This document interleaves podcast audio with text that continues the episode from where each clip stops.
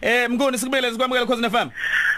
abendlovela amandla enhla nasezantsi siyabingelela Indaba esematheni namhlanje ukuvela kuka mnumzana uJacob Zuma eh owayemongameli wakuleli lakithi eh phambi kwekomishini kaZondo. Yini abantu abangayilindela mhlawumbe namhlanje mfoka Mtaka asiqale sixwayise abalaleli ukuthi umqoka ukuthi wazi ukuthi insuku ezinhlanu umengameli noma wayemengameli wezwe ubanike izinsuku ezinhlanu laba bekhomishini ukuthi bam bampenapene ngemibuzo kule nsuku ezinhlanu ke ungabe usuthuswa imibiko yamaphephandaba nabahlaziyi ngosuku lokuqala bese unqimo ukuthi isimo sinjani ake ulalele nje lonke isonto bese uyithathela isinqumo nathi ey'nkundleni zokuxhumana siyozama ude sikuchaza okunye okusuke kukhulunywa khona. Kodwa mhlambe ake sibuke eh lokufika kwamsholozi kusho ukuthini? Ngicabanga ukuthi zintathu mazi ngezine izinto ekufuneka siziqaphele. Okokuqala ingcindezi ebhekene nemsholozi ukuthi avikele iqembu lakhe avikele necommission okuyena owayiqandayo. Ngikusho ngani lokho ezinye izinto eziphumile zishiwo abantu ezinye isazophenywa ndodwa bayishilo. Zithinta iqembu lakhe uzuma iAfrican National Congress. Uzofunekeke okunye ayivikele okunye athi cha lokho kunjalo noma akukho njalo. Okwesibili iningi labantu likholwa ukuthi commission yenzelwe ukuthi ibophe yena. Ngamafuphi uma ngase yena akhulume kudedengu noma awunisele leyo mqondo eh kubantu kungenzeka ukuthi emva kwensuku ezinhlanu ikhomishini leholwa umehleli izondo ibisiyehlelwe isithunzi singene odayeni noma obishini lepolitiki futhi ke konke lokho ukuzuma ukuthi akaphandle kuyivikela kwakhe siku njengendoda yasenkandla kodwa udinuse funeka avikele ibandla lelakhe ukhongolose. Bese phinde vikela ikhomishini okuyena owayibeka njengomengameli kokuqala lokho. Okwesibili ngasohlangothini lekhomishini kukhona isimo esizoqhamuka okufuneke basichaze ngoba uZuma akezile njengommangalelo nanku umehluko ngiyafisa eh abenkosi bakulalele lokho.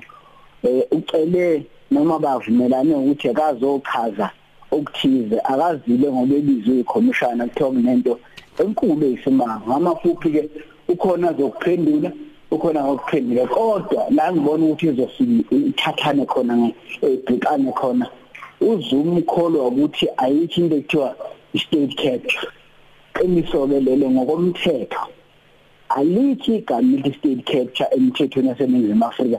Igama nje labhalwa zifundiswa wasemelika bebhayile iphepha labo owayemvikela umphakathi ebusiwe umkhulu nayo umkhobana emadonsela yathi ke emadonsela wayese elisebenzisa embikweni wakhe. Uzuma ke ngokwakhe uthi ayithi into ekuthiwa state capture uma ngase nje asebenzisa ilungelo lakhe lokubuza ukuthi ukuphi la abuze ukuthi khona yini leyo nto.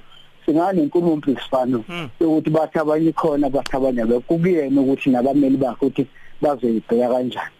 Kodwa okunye okusithathu kufanele siqaphele lapha isimo mqondo sika Zuma ngoba umeke waqala wakhuluma ngesizulu okuyilungelo lwakhe.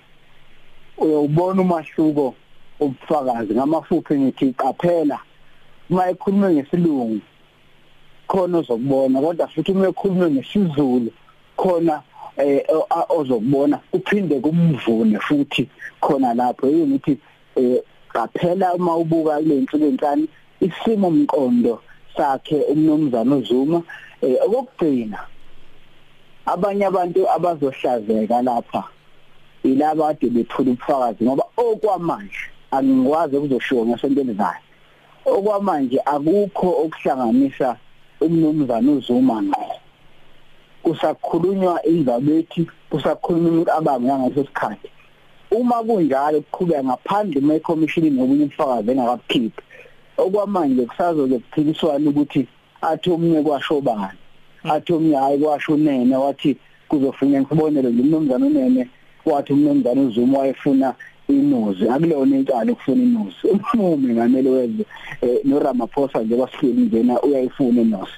Eh, okunye uZuma ngakwazi ukuthi abaphice ngaso ukuthi abaphumele obala phela ngoba uma bethi eh wenza ukuthi umengameli kade ne cabinet umbuzo uzothi bapha abanye be cabinet kwase kuba khona yedwa. Kwesibili umengameli ohleli manje wayeyisekela lakhe. Ngakho yonke leminyaka ekukhulunywa ngayo makuthiwa iyiphutha noma ibugebengu ikhona ingozi yokuthi athi uzuma cha phela ngikwazi uzohlala ngedwa esitibini kodwa okukhulu kakhulu oqala ngqa uzuma uzohlangana necommission kufuneka ivikele kufuneka ivikele kufuneka zile neqembu lakho umbuzo ukuthi uzokwenza yini. Okwesibili ungasheshi uthatha isinqumo zinhlanu insuku ungezwa thina sesinqumela namhlanje ake uyinike isikhathi ulalele nayo ngoba kuningi sokufunda sonke lapha uma silalelisile singathathanga nemizwa yethu.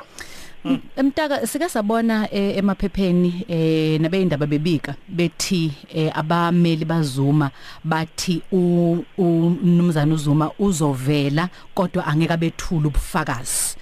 Okuyinto ke mhlawumbe umuntu ongesena mhlawumbe umuntu ogcile kakhulu kwezomthetho engahambi hamba imdide ukuthi yini umahluko phakathi kokuvela yini umahluko phakathi kokuvela nokwethula ubufakazi nanokuthi uma uya kwi commission ngisho ukuthi ubani usuke uvumelekile ukukhetha ukuthi hayi cha mina nje ngizovela ngizokwethula ubufakazi ngoba ne business um ne business live ibike ukuthi angakhetha. Eh owayemongameli uJacob Zuma ukuthi angaphenduli kuyilungelo lakhe angakhetha ukuthi angaphenduli angakhetha futhi ukuthi angaziphenduleli kube ukuthi abameli abamphenduli abamphendulelayo. Kuyiqiniso kangakanani lokho uma kuyiqiniso kwenza amahluko muni kuyiqiniso njengoba ngeke ngasho ekuqaleni ukuthi akazile njengommangalelwa uze njengomuntu ozolekelela eh i-commission kweminye imibuzo ongenzeka ukuthi ivelile isasho futhi inkinga lembuzo ayikho ethi bonke athi uzuma lo eh wasenkandla uyena wenza ukuthi inkinga yile ukuthi uzothi uma nithi angiphawule ngithi angiphawule ngani? Ngabantu bethi uhulumeni wami phela uma kuthiwa umdibo uhulumeni kaMtaka kushithi kusho bonke abanye abakhulumeli kodwa njengoba ngisho ukuthi eh benza ubuhlakana abameli bakhe bangaya esebizwa sekukubi. Baya ngalesikhathi ubufakazi balabo abanye busentekenteke uyabona uma ethi umuntu nginikuzuma ama pieces yenyama nganikuzuma u20 million. Olunye udaba lo uzuma uzobizelwa lokho.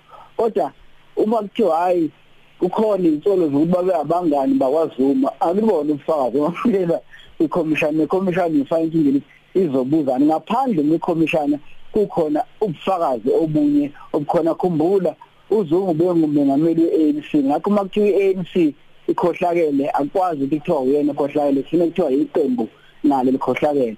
Ma kade umengameli wezwe makuthiwa uhulumeni ugwamandiwe chacha eh okusho ukuthi uhulumeni kushiwo ngisho amajaji kushiwo ngisho eh abanye ngqongqoshe kushiwo ngisho sonke mhlawumbe thina singathi uma sasa amakhansela siyini into nje elikhulu kodwa kulukhulu kakhulu umesiyeli uzonda okufuneke ekugcineni asitshene kona.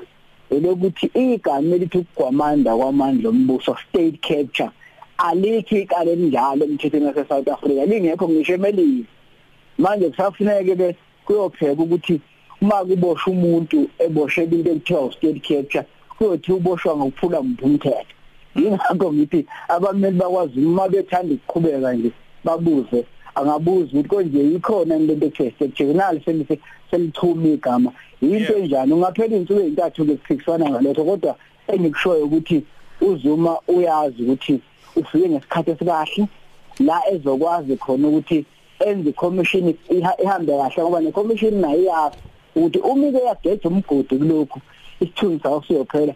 Nozuma uyazi ukuthi umeke wakhuluma kweqa ngenzeka ah libishe iqembu lakhe lilimale. Eh yiko ngithi ke into nje eyinkingana mfowethu mteka sibonga kakhulu mteka baba sikufisela usuku oluhle mfowethu siyabonga. Siyabonga. Ungoti ke wezepolitiki le unhlanhla mfoka mtaka ungamlandela ke lapha na kwinkundla zokuxhumana bayede news lapha na ke ku Facebook eh kanti ke na Twitter @inhlanhla mtaka. Kade ke sihlaziyela nje ke ipolitiki ngalesikhathi ke